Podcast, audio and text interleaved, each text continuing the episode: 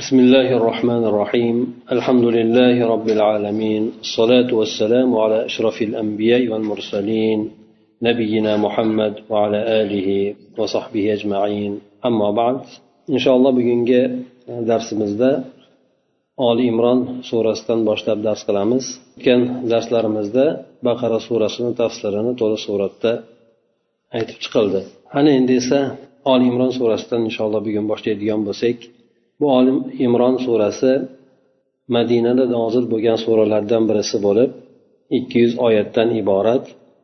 Hamda bu oyatni fazilati to'g'risida baqara surasi bilan birgalikda kelgan hadis ya'ni qur'onni o'qinglar deb payg'ambar sallallohu alayhi vasallam aytganlari keyin keyin baqara surasi bilan oli imron surasini o'qinglar chunki bular qiyomat kunida shafoatchi bo'lib keladi. Go'yoki ular bulut kabi yoki bo'lmasa bir to'da qushlar kabi egasini himoya qiladi degan mazmundagi gaplari ham bor. Oli imron surasi katta bir qismi bani najron nasorolari kelgan paytlarida payg'ambar sallallohu alayhi vasallam huzurlariga ana o'shalar ba'zi qo'zg'agan masalalarga javob surasida suratida katta bir oyatlari nozil bo'lgan deb aytishadi.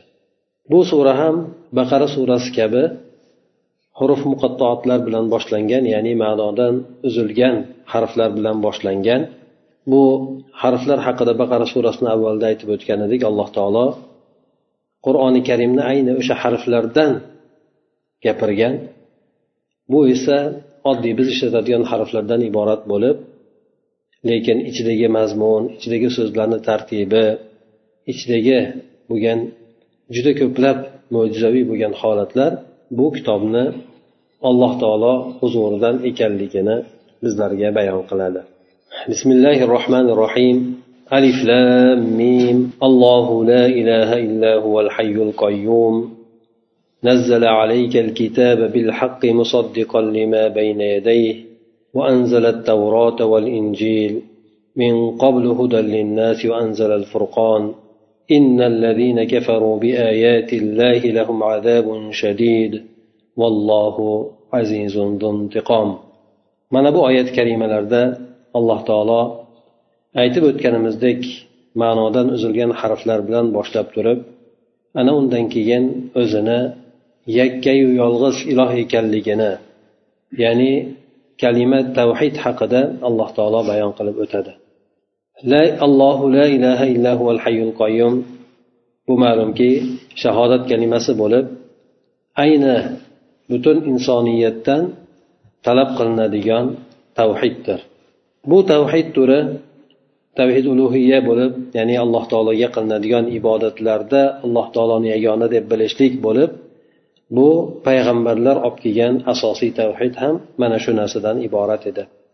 Zero bundan oldingi ummatlar payg'ambarlar olib kelgan paytlarida bular hammasi alloh taoloni yaratuvchi ekanligini rizq beruvchi ekanligini rob ekanligini butun e, koinotlarni hamma narsani boshqarib turuvchi ekanligini e'tirof etishar edi.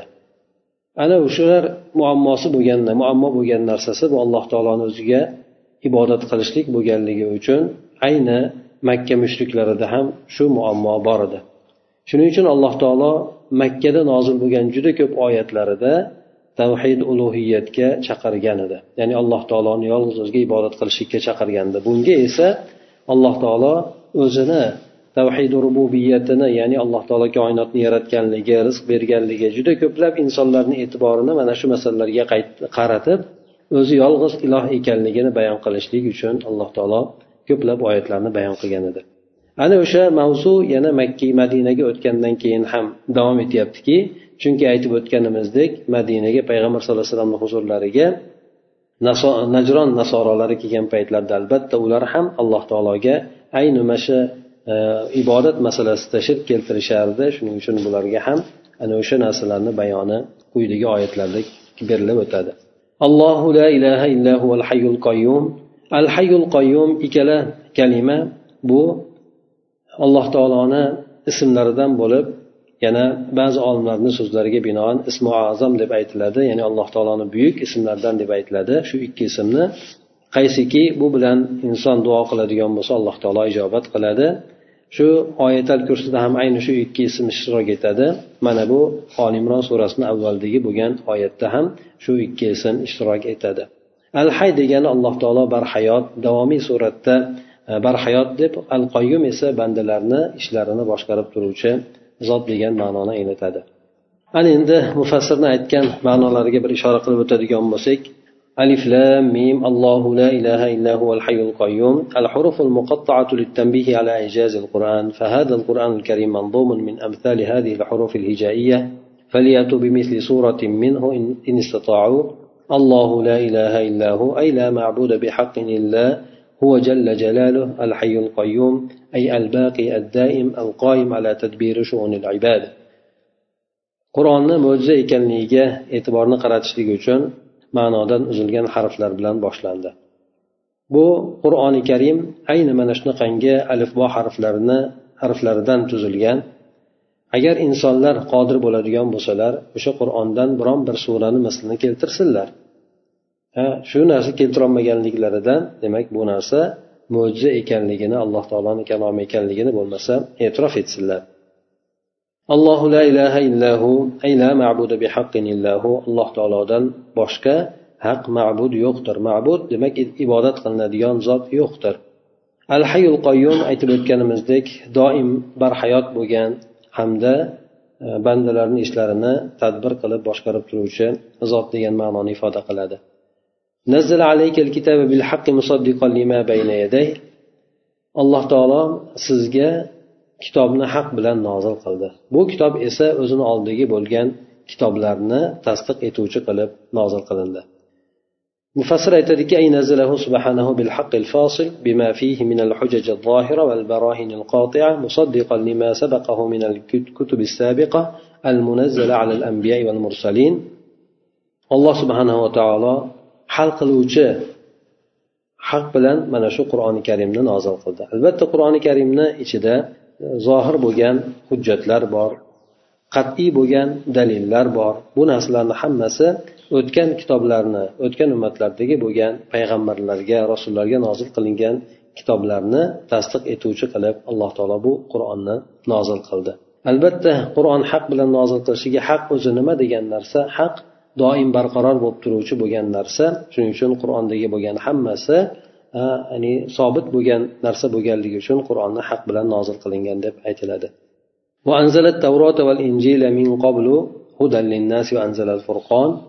Ya'ni alloh taolo tavrot ham injilni ham avval nozil qilgan edi avval nozil qilganda deyishligi chunki keyingi paytlarda ular o'zgartirilgan edi o'zgartirilishligidan oldin alloh taolo bu kitoblarni ham nozil qilgan edi kitoblarni ham hayotdagi vazifasi odamlar uchun hidoyat edi hidoyat qilishlik edi yo'l ko'rsatib berilishligi edi.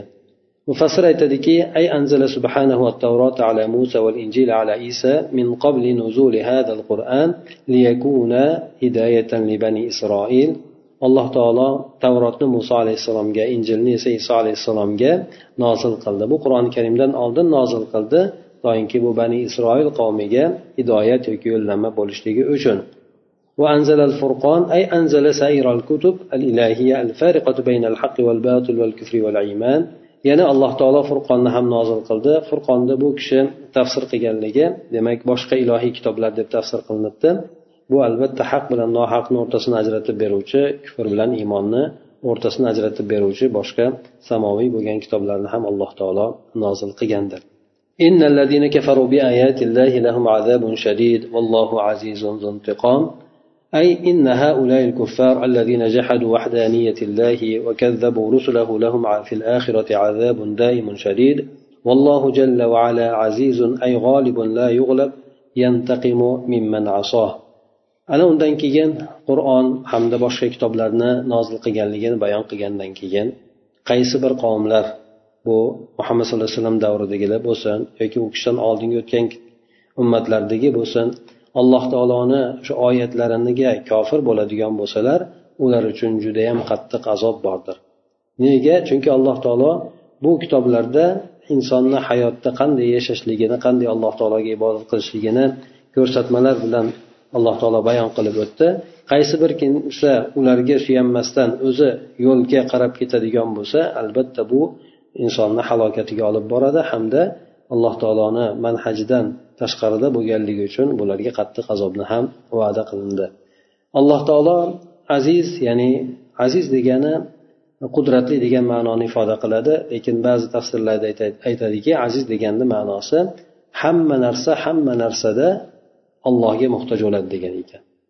Hamma narsa ya'ni maxluqotlarmi yoki e, hayvonlarmi boshqa nima bo'lishidan qat'iy nazar hamma narsasida alloh taologa muhtoj bo'ladi lekin alloh taolo hech narsaga muhtoj bo'lmaydi degan mazmunda keltirishgan ekan. Zuntiqom ya'ni e, intiqom oluvchi o'ch oluvchi degani. O'ch oluvchi nima ma'nosi? O'ch oluvchi bu ya'ni bandalarni yomonlikdan tiyuvchi degan ma'nosida alloh taolo e, o'ch oladigan bo'lsa bandalarni o'sha qilayotgan jinoyatlardan agar kofirlardan o'ch oladigan bo'lsa kofirlarni qilayotgan jinoyatlardan ularni tiyib qo'yadi. Albatta bu kofirlar ya'ni alloh taoloni birligini inkor etgan rasullarini yolg'onchiga chiqargan mana bu kofirlar o'tgan ummatlardagi bo'lsin yoki bu ummatdagi bo'lsin bular uchun oxiratda davomiy bo'lgan judayam qattiq bo'lgan azoblar bor. Alloh subhanava taolo g'olib zotdir hech qachon mag'lub bo'lmaydigan g'olib bo'lgan zotdir va osiylik qilgan itoatsizlik qilgan kimsalardan o'ch oladigan zotdir إن الله لا يخفى عليه شيء في الأرض ولا في السماء هو الذي يصوركم في الأرحام كيف يشاء أي لا يغيب عنه سبحانه أمر من الأمور لا مما يحدث في الأرض من أعمال البشر ولا مما تفعله الملائكة في السماء وهو الذي يخلقكم على الصورة التي يشاؤها في أرحام أمهاتكم من ذكر وأنثى وأسود وأبيض وطويل وقصير. أنا undan الله تعالى kofirlarni o'sha alloh taoloni oyatlariga kofir bo'lganligi ularni payg'ambarlarni yolg'onchiga chiqarganligini yuqorida aytib o'tib ularga azoblarni va'da qilgandan keyin alloh taolo bayon qildiki yer osmondagi biron narsa bo'lsin alloh taologa maxfiy bo'lmaydi. Ya'ni alloh taolo hamma narsani bilib turadi. Insonlarni hattoki qalbidagi bo'lgan narsalarni ham bilib turadi. Shuningdek alloh taolo insonlarni o'zi aslida yaratgan. Onalarni bachadonlarni xohlagandek suratda ya'ni xohlagandek qilib yaratgan. Chunki yaratgandan keyin alloh taolo ularga xohlagan narsasini buyuradi. Agar u narsaga itoat qilmaydigan bo'lsa xohlagandek azoblaydi ham. Alloh subhanava taologa ishlardan bironta ish maxfiy bo'lmaydi. Ya'ni inson xotirjam bo'lishi kerak ekanki yaxshilik qilayotgan odamni ham qilayotgan yaxshiligi zoye ketmaydi. Shuningdek gunoh qilayotgan odam ham alloh taologa maxfiy emasligini bilib gunohdan tiyiladi. Yerda sodir bo'layotgan insonlarni amallaridan bo'lsin yoki farishtalar osmonda ado etayotgan amallardan bo'lsin biron narsa alloh taologa maxfiy bo'lmaydi. Alloh subhanaa taolo yana sizlarni o'zi xohlagan suratida onalaringizni bachadonlarda sizlarni yaratib qo'yadi. Bu erkak bo'lsin ayol bo'lsin inson qora tanli oq tanli bo'lsin uzun bo'lsin qisqa bo'lsin mana shularni hammasini alloh taolo o'zi xohlagandek qilib insonlarni yaratib qo'yadi الله لا إله إلا هو العزيز الحكيم لا إله إلا هو العزيز الحكيم أي لا خالق غيره ولا معبود بحق سواه العزيز الذي لا يغلب ولا يقهر الحكيم في صنعه وتدبيره alloh taolo yana quyida ham shu o'zini yolg'iz ma'bud ekanligini bayon qilib aytadiki ya'ni alloh taolodan boshqa yaratuvchi ham yo'qdir alloh taolodan boshqa ibodat qilinadigan zot ham yo'qdir. Alloh taolo izzatli judayam qudratli bo'lgan zotki hech qachon mag'lub bo'lmaydi hamda hech qachon alloh taolo boshqalarni boshqalar uni ustidan hukmronlik qilolmaydi.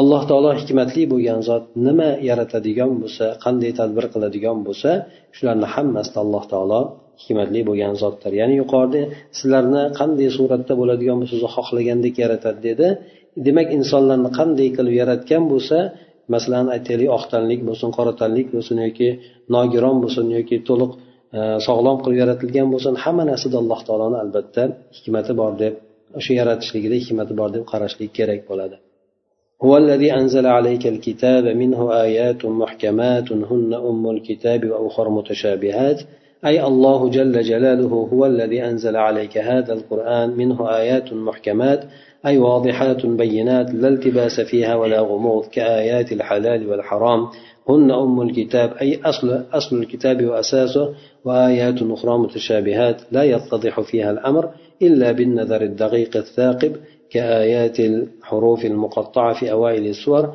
وآيات الروح في خلق عيسى بن مريم.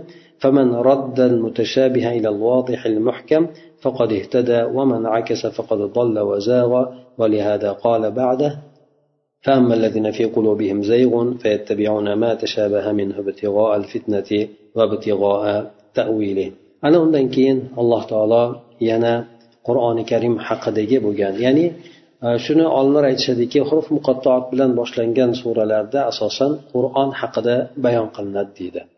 Yo'q o'sha harflardan keyin mubasharatan qur'on haqida baqara surasidagi kabi yoki bo'lmasa bir qancha oyatlardan keyin albatta o'sha qur'on haqida e, mavzu ketadi deydi. Bu yerda ham o'sha harflarni bayon qilib o'tgandan keyin qur'oni karim haqida alloh taolo bu yerda bizlarga bayon beryapti. Alloh subhanava taolo o'zi mana bu qur'oni karimni sizga nozil qildi deydi. Qur'oni karimda muhkam bo'lgan oyatlar bor. Bu muhkam bo'lgan oyatlar qur'onni asl asosini tashkil qiladi va shuningdek mutashobih bo'lgan oyatlar bor deydi. Demak muhkam bo'lgan oyatlar qaysiyu mutashobih bo'lgan oyatlar qaysi? Muhkam bo'lgan oyatlar dalolati ravshan bo'lgan. Uni o'qiganda inson tushunadigan shunday bir oyatlar bo'ladi. Masalan qul huvallohu ahad. Alloh taolo yagona ekanligini bayon qiluvchi bo'lgan oyatlar. Bular muhkam bo'lgan oyat. Mutashobih bo'lgan oyatga misol keltiradigan bo'lsak alloh taolo aytadiki biz yaratdik deydi. Biz biz demak ko'plikni ifoda qiladi. Bu mutashobih bo'lgan oyat. Insonda biroz shubhani uyg'otadi.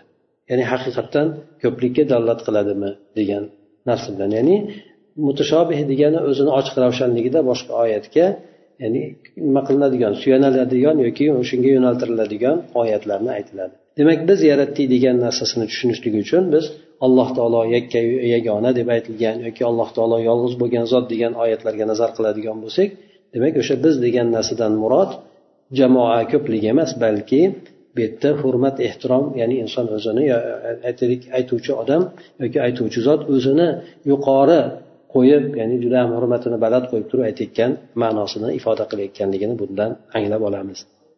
Bunga o'xshagan oyatlar juda yam ko'plab keladi. Demak o'sha bo'lgan oyatlarni muhkam bo'lgan oyatlarga e, yo'naltirishlik orqali ma'nolarini tushunib olamiz ekan.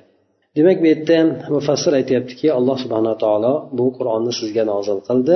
Bunda muhkam bo'lgan oyatlar bor. Muhkam bo'lgan degani judayam ochiq ravshan bo'lgan oyatlar borki ularda hech qanaqangi iltibos yo'q chigallik degan narsa yo'q yoki noaniqlik yoki bo'lmasa mavhumlik degan narsa yo'q. Xuddi go'yoki mana halol harom oyatlari kabi. Nima narsa halol nima narsa harom qur'onda ochiq suratda bayon qilib o'tilgan. Bular esa kitobni asli asosini tashkil qiladi dedi. Demak o'shalar kitobni asosidir. Ya'ni qur'onni asosi o'sha muhkam bo'lgan oyatlardir. Mutashobih bo'lgan oyat boshqa oyatlar borki unda ishlar ochiq ravshan zohir bo'lmaydi bir qaraganda. Illo agar inson o'tkir nozik bir nazar bilan qaraydigan bo'lsa albatta boshqa oyatlarni yordamida bu oyatlarni tushunib oladi. Xuddi shularga misol suratida surani avvallardagi bo'lgan ma'nolardan uzilgan harflar ham mana shu narsani ifoda qiladi deb aytadi. Xuddi shuningdek yana bunga boshqa misol iso alayhissalomni yaralishligidagi ruh haqida gapirilgan oyat. Va ruhum minhu deb turib alloh taolo ya'ni alloh taolodan bo'lgan bir ruh deb turib iso alayhissalomni bayon qiladi. Ana shu ma'noda e, nasorolar aytadiki alloh taoloni bir bo'lagi ya'ni alloh taoloni farzandi degan ma'nolarga kelishgan. Lekin bu oyatni boshqa muhkam bo'lgan oyatga qaraydigan bo'lsak alloh taolo iso alayhissalomni o'zini bandasi ekanligini va u kishiga oyatlar yoki injilni nozil qilgan ekanligini alloh taolo bayon qilganda o'shandan bilamiz ekanki iso alayhissalom hech qanaqangi alloh taoloni farzandi yoki alloh taoloni bir bo'lagi emas balki alloh taoloni bandasi ekanligini boshqa oyatlarni o'qishlik orqali anglab olamiz ekan.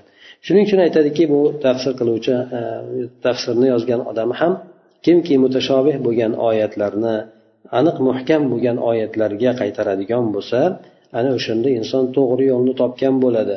Qaysi bir kimsa aks qiladigan bo'lsa ya'ni mutashobih bo'lgan oyatlarni o'zini tushunishlikka harakat qilib faqat e, muhkam oyatlarga qaramasdan o'zigagina e, e'tibor qiladigan bo'lsa mutashobihgagina e'tibor qiladigan bo'lsa bunda inson adashib ketib qoladida unda haqdan ham moyil bo'lib ketib qoladi. Shuning uchun alloh taolo undan keyingi mana o'sha oyatni davomida aytadiki qalblarida haqdan og'ib ketishlikka moyillik bo'lgan kimsalar ya'ni o'zi qalblarida haqni xohlamaydigan balki o'zlarini havoyi nafslarini yoki yo'llarini qo'llab quvvatlovchi bo'lgan kimsalar bular o'sha qur'oni karimdan mutashobih ko'ringan narsalarga ergashishadilarda bularni maqsadlari fitna istashlik bo'ladi yoki bo'lmasa o'zlarini shu havoyi nafslarini qo'llab quvvatlashlikni xohlashlik bo'ladi deydi. Mufassir ham aytib o'tadiki عن الحق واتباع للهوى فيتعلق بالمتشابه منه طلبا لفتنة الناس عن دينهم وطلبا لتفسيره بما يوافق هواه كما فعل النصارى حيث زعموا أن عيسى ابن مريم هو جزء من الله احتجاجا بقوله سبحانه وروح منه أخذوا بالمتشابه وتركوا المحكم الذي بين حقيقة عيسى وهو قول سبحانه إن هو إلا عبد أنعمنا عليه أما qalbida haqdan og'ib ketishlik ya'ni haqdan og'ib ketishlik moyilligi bo'lgan shuningdek havoyi nafsiga ergashishlik moyilligi bo'lgan kimsalar bular qur'ondagi mutashobih bo'lgan oyatlarni o'zlariga yopishib oladi bular bu bilan odamlarni dinlaridan fitnalashlikni maqsad qilishadi va yana shuningdek qur'onni o'zlarini havoyi nafslariga muvofiq keladigan suratda tafsir qilishlikka harakat qilishadi. Chunonchi mana nasorolar mana shunday qilishgan edi. Bular gumon etishgandiki yoki aytishgan ediki iso alayhissalomni alloh taoloni o'g'li deb alloh taoloni bir bo'lagi deb aytishgan edi. Bular esa bunga o'sha qur'onda kelgan va ruhum minhu degan oyatini hujjat qilib keltirishgan edi. Bular mana shu borada mutashobih bo'lgan oyatni yoki mutashobih bo'lgan so'zlarni ushlashib olishgan edi. Muhkam bo'lgan ya'ni iso alayhissalomni haqiqatini bayon qilgan muhkam bo'lgan oyatlarni tark qilishgan edi. Bu oyat esa alloh taoloni ushbu so'zi ediki in huva illa abdun an'amna alayhi. Iso alayhissalom bor yo'g'i alloh taoloni bandasi edi. Alloh taolo u kishiga shu payg'ambarlikni inom etgan edik deb alloh taolo bayon qilib o'tadi. Demak iso alayhissalom payg'ambar alloh taolo tomonidan o'sha payg'ambarlik bilan siylangan kimsa edi xolos. Alloh taolo aytadiki ay وما يعلم تفسير المتشابه ومعناه الحقيقي إلا الله رب العالمين كما قال سبحانه ويسألونك عن الروح قل الروح من أمر ربي والراسخون في العلم يقولون آمنا به كل من عند ربنا أي والثابتون المتمكنون من العلم يقرون بعجزهم فيردون العلم إلى الله ويقولون آمنا بجميع كلام الله المحكم منه والمتشابه ana undan keyin alloh taolo bu oyatlarni izida bu yuqoridagi bo'lgan mutashobih bo'lgan oyatlarni tavilini ularni haqiqiy mohiyatini faqatgina alloh taoloni o'zi biladi deb aytadi. Mufassir ham keltirib aytadiki mutashobihni tafsirini hamda o'sha mutashobihni haqiqiy ma'nosini haqiqiy ma'nosi bu mohiyati qanday ekanligini alloh taoloni o'zi biladi. Xuddi chunonchi yana alloh taolo aytgandek sizdan ruh haqida so'raydilar. Aytingki ruh meni robbimni ishidir. Ruh haqida insonlar ma'lumotga olloh bergan ma'lumotgagina ega. Aslida uni haqiqatini qanday ekanligini alloh taolodan boshqa hech kimsa bilmaydi. Endi ilmda mustahkam bo'lgan kimsalar aytishadiki biz o'sha e, alloh taologa iymon keltirdik. U aytilgan narsalarni hammasi alloh taoloni huzuridandir. Biz o'shalarni hammasiga iymon keltiramiz deb aytishadi. Demak ilmda mustahkam bo'lgan sobit qadam turadigan kimsalar o'zlarini ojizliklariga iqror bo'lishadida ilmni alloh taologa qaytarishadi. Va aytishadiki biz alloh taoloni hamma kalomiga iymon keltirdik. Muhkami bo'lsin mutashobihi bo'lsin hammasi alloh taoloni huzuridandir deb aytishadi. Mana bu oyat karimada vaqf borasida olimlar aytishadiki ikki xil vaqf qilishlik mumkin deydi. Vaqf qilishlikka qarab turib ya'ni to'xtashlikka qarab turib ma'no ham o'zgaradi. Birinchi vaqf qilishlikka bu kishi o'sha tafsirlarni shu ma'noga yo'naltirgan ekan. Illalloh degandan keyin to'xtab turib deb aytadilar. Bu narsani tafsirini aytib o'tdik. Endi alloh taolo faqat tavilini alloh taolo biladi deganda o'sha qur'onda aytilgan bayon qilingan narsalarni haqiqatini mohiyatini alloh taolo biladi. Masalan alloh taolo ko'radi deydi. Ko'radi mana qur'oni karimda ko'radi deb keladi biladi deb keladi. Ko'rishligini biz bilamiz. Ha ko'rishlik ko'rishlik ekanligini yoki eshitishlik eshitish ekanligini bilamiz lekin qanday eshitishligini qanday ko'rib turishligini biz u narsa haqida ma'lumotga ega emasmiz. U narsalarni mohiyatini faqatgina alloh taoloni o'zigina biladi xolos. Bizga u haqida ma'lumot bermagan. Shuning uchun bu yerdagi vaqfda agar bu ma'noni oladigan bo'lsak alloh taolo so'ziga vaqf qilinishligi lozim bo'ladi agar endi ikkinchi ma'no bor tavilahu degan ma'noda agar tafsiri deb aytiladigan bo'lsa unda tafsirini nafaqat alloh taolo balki alloh taolo bildirgan ilm orqali mufassirlar ham biladi shuning uchun bu yerdagi vaqf وما يعلم تأويله إلا الله والراسخون في العلم يقولون آمنا به deb ana o'shanda alloh taolodan keyin vaqf qilinmaydida undan keyin E, kelayotgan oyatda vaqf qilishlik mumkin bo'ladi. Chunki alloh taolo ham biladi bu yerda shuningdek ilmda mustahkam odamlar ham e, ko'plab oyatlarni tafsirlarini bilishadi. Haqiqat mohiyatiga keladigan bo'lsak unda faqat alloh taoloni o'zigina biladi. Shuning uchun abdulloh ibn abbos roziyallohu anhudan aytilgan gaplari tafsir to'rt xil bo'ladi deb aytganlar. Tafsir bir tafsir borki omma musulmonlar biladigan tafsir bor. Masalan namoz o'qinglar desa namoz o'qiydigan odam namozni tafsirlab berishi mumkin. Bunday qilasan bunday qilasan deb aytilgani deb turib. Undan keyin arablar o'zini so'zidan o'zini lug'atidan biladigan tafsir bor deydi. Mana qissalar keladi boshqalar keladi. Unda arab tilida bayon qilinganligi uchun arablar bu narsalarni biladi. Ya'ni osmonga qaranglar desa ular osmonga qarashlik ekanligini tushunishadi masalan. Uchinchisi borki olimlar biladigan deydi. Olimlar biladigan tafsir bor. Bu e, o'sha alloh mohiyatidan tashqari bo'lgan qur'onda keladigan butun oyatlarni tafsirlari bular olimlar biladigan tafsir. Ya'ni alloh taoloni o'zigina biladigan tafsir bor. Bu esa aytib o'tganimizdek qur'onda kelgan narsalarni mohiyati haqiqatini alloh taoloni o'zigina biladi xolos. Demak agar e, alloh taoloda vaqf qilmaydigan bo'lsak unda alloh taolo ham biladi. Tavilini tavili deganda haqiqati mohiyati emas balki tafsiri deb aytiladida ya'ni qur'onda kelgan oyatlarni tafsirlarini alloh taolo biladi. Shunday alloh taolo bildirgan mufassirlar ham ilmda mustahkam bo'lgan kimsalar ham biladi. Shunda aytishadiki bular alloh taologa iymon keltirdik. O'sha mutashobih bo'lganlar bo'lsin yoki bo'lmasa muhkamlar bo'lsin bularni hammasi alloh taoloni huzuridandir deb aytishadi. Ana undan keyin e,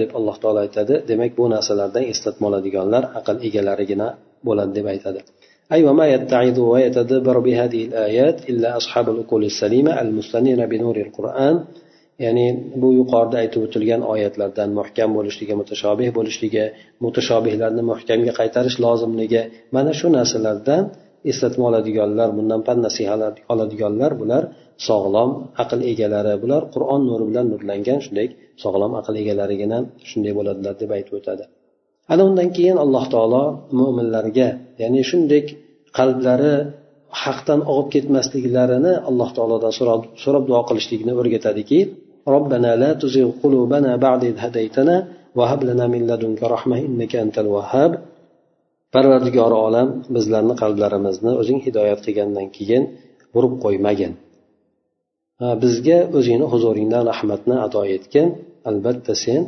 E, muqobilsiz beruvchi bo'lgan zotsan. Vahab ya'ni beruvchi mukofotsiz mukofot beruvchi ya'ni muqobilsiz. Muqobilsiz degani bir inson ishlaydigan bo'lsa ishlaganiga beradigan bo'lsa unda beruvchi hisoblanadi lekin mukofotni beruvchi bo'ladi. Ya'ni o'sha e, haqli bo'lgan narsasini beradi. Lekin inson alloh taolodan so'raydigan bo'lsa inson e, hattoki harakat qilmaydigan peshona teri qilmaydigan bo'lsa ham alloh taolo insonga berishligi mumkin. Bu narsa esa xuddi go'yoki inson masalan e, yigirma yil o'ttiz yil qirq yil ishlab turib bir million pul topadigan bo'lsa bu narsa inson peshona teri bilan topgan bo'ladi. Ba'zan insonga bo'ladiki kimdir hadya qilib beradi bir million beradigan bo'lsa yoki meros qoladi. Xuddi go'yoki meros qilgan paytda bu inson peshona teri bilan emas balki o'sha go'yoki unga hadya qilib berilgandek bo'ladi. O'shanday muqobilsiz beriladigan narsani beruvchi bo'lgan alloh taoloni ismiga bog'liq bo'lgan narsa vahhob deb aytiladi deydi. Robbana la qulubana deganda aytadiki qalbimizni burib qo'ymagin hidoyat qilganingdan keyin qalbni burib qo'yishlik alloh taolo qalbni qanday qilib burib qo'yadi? Qalbimizni burib qo'y. Shunday burib qo'yaveradimi desa boshqa oyatga murojaat qiladigan bo'lsak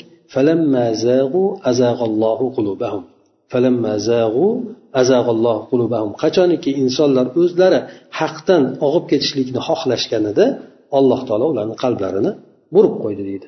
Ya'ni bu jazo sifatida. Inson bir narsalarda kufrni bo'lsin yoki harom narsalarda bo'lsin inson o'zi istab xohlab o'shanga intiladigan bo'lsa agar alloh taolo uni e, o'shandan to'xtatmaydigan bo'lsa o'zini holatiga o'zini tashlab qo'yadi.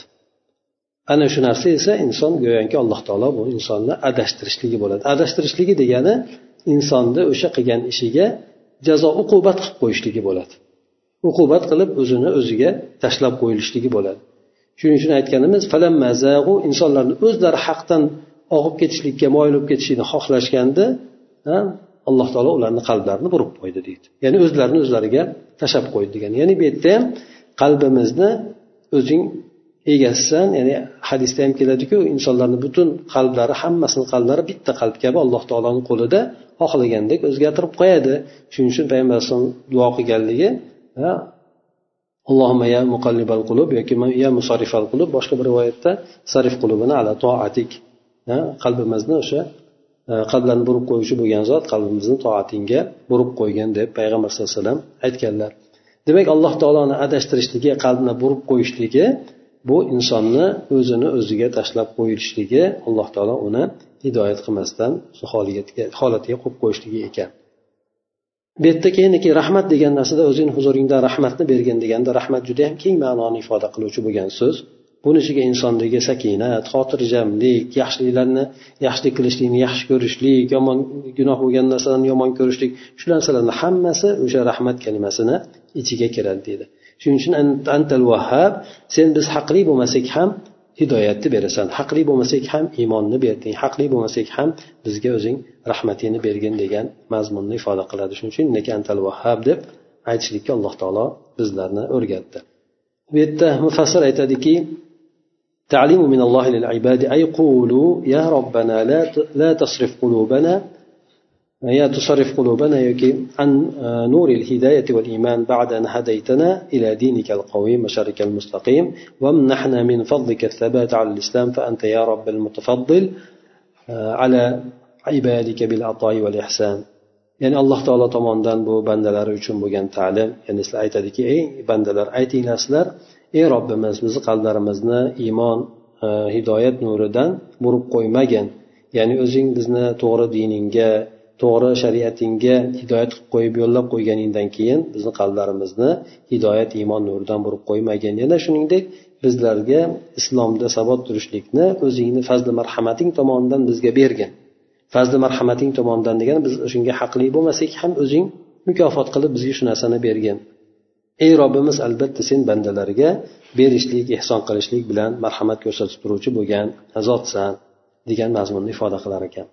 ربنا إنك جامع الناس اليوم لا ريب فيه إن الله لا يخلف الميعاد parvardigori olam albatta sen butun insonlarni hammasini e, qiyomat kuni uchun ya'ni shubhasi yo'q bo'lgan kun uchun jamlovchisan albatta sen e, va'da qilgan va'dalaringga xilof qilmaysan yoki albatta alloh taolo qilgan va'dalariga xilof qilmaydi deb aytadi وقولوا أيضا في دعائكم يا ربنا إنك جامع الخلائق ليوم لا شك في وقوعه وهو يوم القيامة يوم الحساب والجزاء فإن وعدك حق وأنت لا تخلف الوعد aytinglar yana shunday duolaringizda ey parvardigor olam albatta sen butun maxluqotlarni hammasini ya'ni insonu jinlarni voqe bo'lishligida hech qanaqangi shubha yo'q bo'lgan kunga qiyomat kuniga hisob kitob mukofot jazo berishlik kuniga jamlaysan albatta seni bu va'dang haqdir sen hech qachon va'dangga xilof qilmaysan ya'ni qiyomatni eslab o'sha qiyomatda e, bizga ham e, rahmat qilgin degan mazmunni ifoda qilib alloh taolo duo qilishlikka erta burilyapti e, aytilyapti إن الذين كفروا لن تغني عنهم أموالهم ولا أولادهم من الله شيئا وأولئك هم وقود النار أي إن الذين جحدوا وحدانية الله وحدانية الله وكذبوا رسله لن تفيدهم الأموال والأولاد ولن تدفع عنهم شيئا من عذاب الله وهم في الآخرة حطب جهنم الذي توقد به نار السعير. أنا عند مؤمن لك الله تعالى بنا سلام تعلم برغان كين بيان قلادك البتة يعني شبه سسكي كافر بغان كم ularni mol dunyolari bo'lsin bola chaqalari bo'lsin allohni azobidan biron narsani daf qilolmaydi. Ularni alloh taoloni azobidan biron narsasi qaytarolmaydi. Ana o'sha kimsalar jahannamni o'tinlari bo'ladi deb aytib o'tadi. Demak yuqoridagi bo'lgan oyatlar payg'ambarlarni allohni oyatlarini yolg'onga chiqargan yoki payg'ambarlarni yolg'onchiga chiqargan mana bunday bo'lgan kimsalar har qancha mol dunyo yig'masin har qancha e, bola chaqasi bo'lmasin. Chunki bu dunyodagi o'sha paytlardagi bo'lgan insonlarni quvvati topgan mol dunyosiyu qo'l ostidagi bo'lgan bola chaqalari bilan belgilangan. Shunda ular qancha ko'p bo'lsa shunchalik kuchli bo'lgan. Ming o'shanday bo'lgan taqdirida ham bularni o'sha qo'l ostidagi bo'lgan boyligi bo'lsin bola chaqalari bo'lsin allohni azobi kelgan paytda biron narsani allohni azobidan ular qaytarib qololmaydi to'sib qololmaydi. balki ularni o'zi o'sha bola chaqasi bo'lsin o'sha o'zlariga tobe bo'lgan yoki o'zlari bo'lsin shular hammasi do'zaxni o'tini bo'ladilar deb aytib o'tadi كذبوا بآياتنا أي شأن هؤلاء الكفرة من قومك كشأن جماعة فرعون وأتباعه الضالين ومن سبقهم من الأمم الباغية كذبوا بآيات الله الواضحة الساتعة yana alloh taolo bu yerda e, fir'avnni qavmiga qaradi. Fir'avn fir'avnni qavmiga ularni yo'naltirdi. Ularga shu narsa fir'avnni eslatdi bu yerda.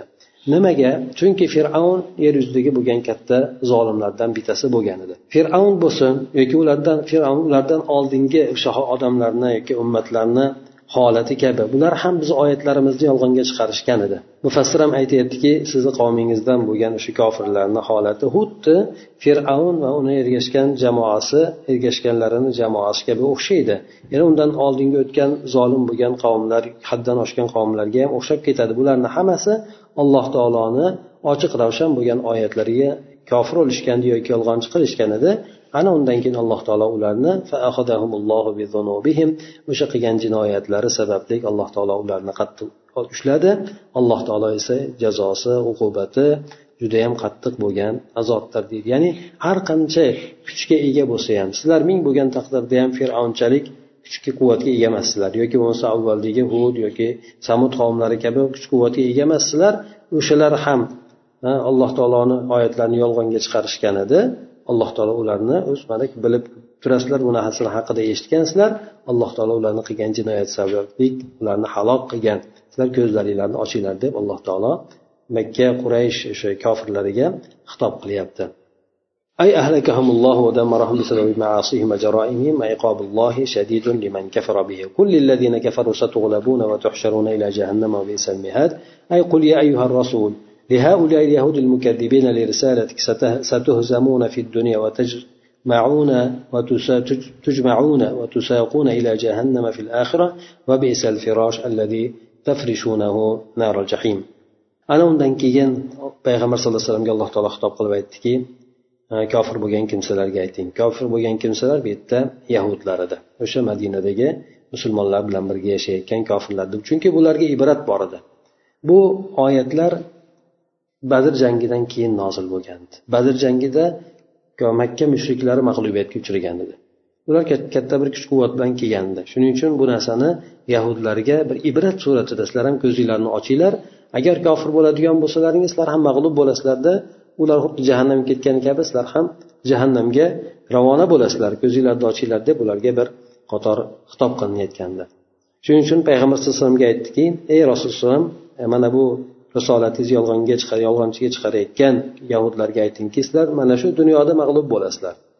Shuningdek sizlar to'planib turib shularni jamlantirilib keyin oxiratda jahannamga qarab haydalasizlar bu yerdagi sizlarga to'shak bo'ladigan to'shak bu jahannam o'ti bo'ladi. Ya'ni to'shak inson ustiga yopib oladi badaniga tegib turadigan narsa bo'ladi shuning uchun azob o't ham sizlarni badaninglarga taginglardan tepanglardan hamma tomonlardan qoplab turadi قد كان لكم آية في فئتين التقتا فئة تقاتل في سبيل الله وأخرى كافرة أي لقد كان لكم يا معشر اليهود عظة وعبرة عظة وعبرة في جماعتين التقتا يوم بدر ودارت بينهما الحرب جماعة مؤمنة تقاتل لإعلاء كلمة الله وإعزاز دينه وجماعة كافرة تقاتل في سبيل الشيطان والأوثان يرونهم مثل يرونهم مثلهم رأي العين أي يرى المؤمنون الكافرين أكثر منهم مرتين رؤية حقيقية ظاهرة بالعين المجردة لا بالخيال والأوهام. ana undan keyin alloh taolo bayon qildiki sizlar uchun mana bu jangda uchrashgan ikkita jamoada oyat bor ya'ni ibratlar bor. Bu ikki jamoa qaysi edi? Birisi alloh taoloni yo'lida jang qiladigan edi ikkinchisi esa kofir edi. Mana bu oyatga e'tibor beradigan bo'lsak alloh taolo ajib bir suratda bu oyatni bayon qildiki fiatun tuqotilu fi sabillah bir jamoa borki bular ollohni yo'lida jang qiladilar. Boshqa jamoa borki ular deb turib nima yo'lda jang qilishligini bayon qilmadi. Demak ollohni yo'lida jang qilmagandan keyin u qizig'i yo'q nimani yo'lida jang qilishligi. Ha shuni demak alloh taolo e'tiborsizlik uchun bayon ham qilmadi balki kofir bo'lgan boshqa bir jamoa deb qo'ya qoldi. Demak alloh taoloni yo'lida bo'lmagan jangni e'tibori yo'q ekan. Aytdiki demak sizlar uchun ey yahud jamoasi pand nasihat bor ibrat bor o'sha badr jangida uchrashgan ikkita jamoa to'g'risida. Bular o'rtasida jang bo'lgan edi. Bir jamoa mo'min edi alloh taoloni kalimasi oliy bo'lishlik uchun jang qilar edi alloh taoloni dinini quvvatlashlik uchun jang qilar edi. Boshqasi esa kofir edi bu shayton bu shu narsalarni yo'lida jang qilar edi. Endi mo'minlar esa u kofirlarni o'z ko'zlari bilan ikki barobar ko'rishardi o'zi aslida ular uch barobar ko'p edi. Ya'ni badr jangida makkadan kelgan mushriklar mingta atrofida bo'ladigan bo'lsa musulmonlar uch yuz o'n beshta uch yuz o'n yettita atrofida edi. Demak uch barobar ko'p bo'lgan edi. Alloh taolo bu yerda o'z ko'zi bilan ularni ikki barobar ko'rdi. Ya'ni kamaytirib berdi alloh taolo ularga. Toinki judayam haligi ko'nglari cho'kib ketib qolmasliklari uchun. Ya'ni bular o'z ko'zi bilan ko'rganida hayol yoki gumonlar bilan emas. Mana shunday qilib alloh taolo o'zini nusratini xohlagan bandalariga beradi. Ya'ni alloh taolo nusrati har xil yo'llar bilan keladi. Birinchi dushmanlarni mo'minlarni ko'ziga os qilib qo'yishlik bilan. Xuddi shuningdek yana mo'minlarni ham dushmanlarni ko'ziga os ko'rsatgan. Nimaga? Ular yana ham o'sha e, kuchiga suyanishligi uchun. Yana ham o'zini ularni ezib tashlaymiz majal qilib tashlaymiz deb o'zlarini kuchiga yana ham suyanishligi uchun alloh taolo mo'minlarni ham ularni ko'zlariga os ko'rsatib qo'ydi. Shuningdek ularni ham mo'minlarni ko'ziga e, boridan ko'ra ozroq qilib ko'rsatib qo'ydi. Bu bir tomondan. Ikkinchi tomondan esa alloh taolo yordam berishligi dushmanlarni qalbiga qo'rquv solishlik bilan ham bo'ladi. Ha bu ham alloh taoloni nusrati bo'ladi. Yana undan tashqari badr jangida musulmonlar bilan birgalikda farishtalar ham ishtirok etgan juda ko'p farishtalar ishtirok etgan. Bu ham alloh taoloni yana qo'llab quvvatlovi bo'ladi. Ana o'shandek alloh taolo xohlagan bandalariga nusratini ado etadi. Lekin shart bu yerda fiatun tuqotilu fi sabilillah. Jamoaiki alloh taoloni yo'lida jang qiladigan bo'lsa. Boshqa narsalar maqsadida emas. Albatta bu narsada aql egalari uchun ibrat bor dedi demak alloh taolo kim qaysi bandalarga yordam beradi qanday qilib yordam beradi bu narsalarga bu narsalarda aql egalari uchun ibratlar bor dedi. Alloh taoloni buyukligi ulug' bo'lgan bandalardan xohlagan bandasiga yordam beradi. Mana bu yerda mo'min bandalariga oz bo'lishiga qaramasdan alloh taolo mushrik kofirlarga e, qarshi yordam berib qo'ydi. Mushrik kofirlar esa bular ko'pchilikni tashkil qilar edi. Mana bu g'alabada esa sog'lom aql egalari uchun ibrat va nasihatlar bordir. Yana rivoyat qilinadiki payg'ambar sallallohu alayhi vasallam mushriklarni ustidan badr jangida g'alaba qozongan paytlarida madinaga keyin qaytib kelgan paytlarida g'olib bo'lib e, zafar quchib qaytib kelgan paytlarida yahudlarni jamlab turib ularga aytdi ey yahudlar jamoasi alloh taolo sizlarga qurayshni qurayshga yetib qo'ygan narsani sizlarga yetkazishligidan oldin musulmon bo'lib qolinglar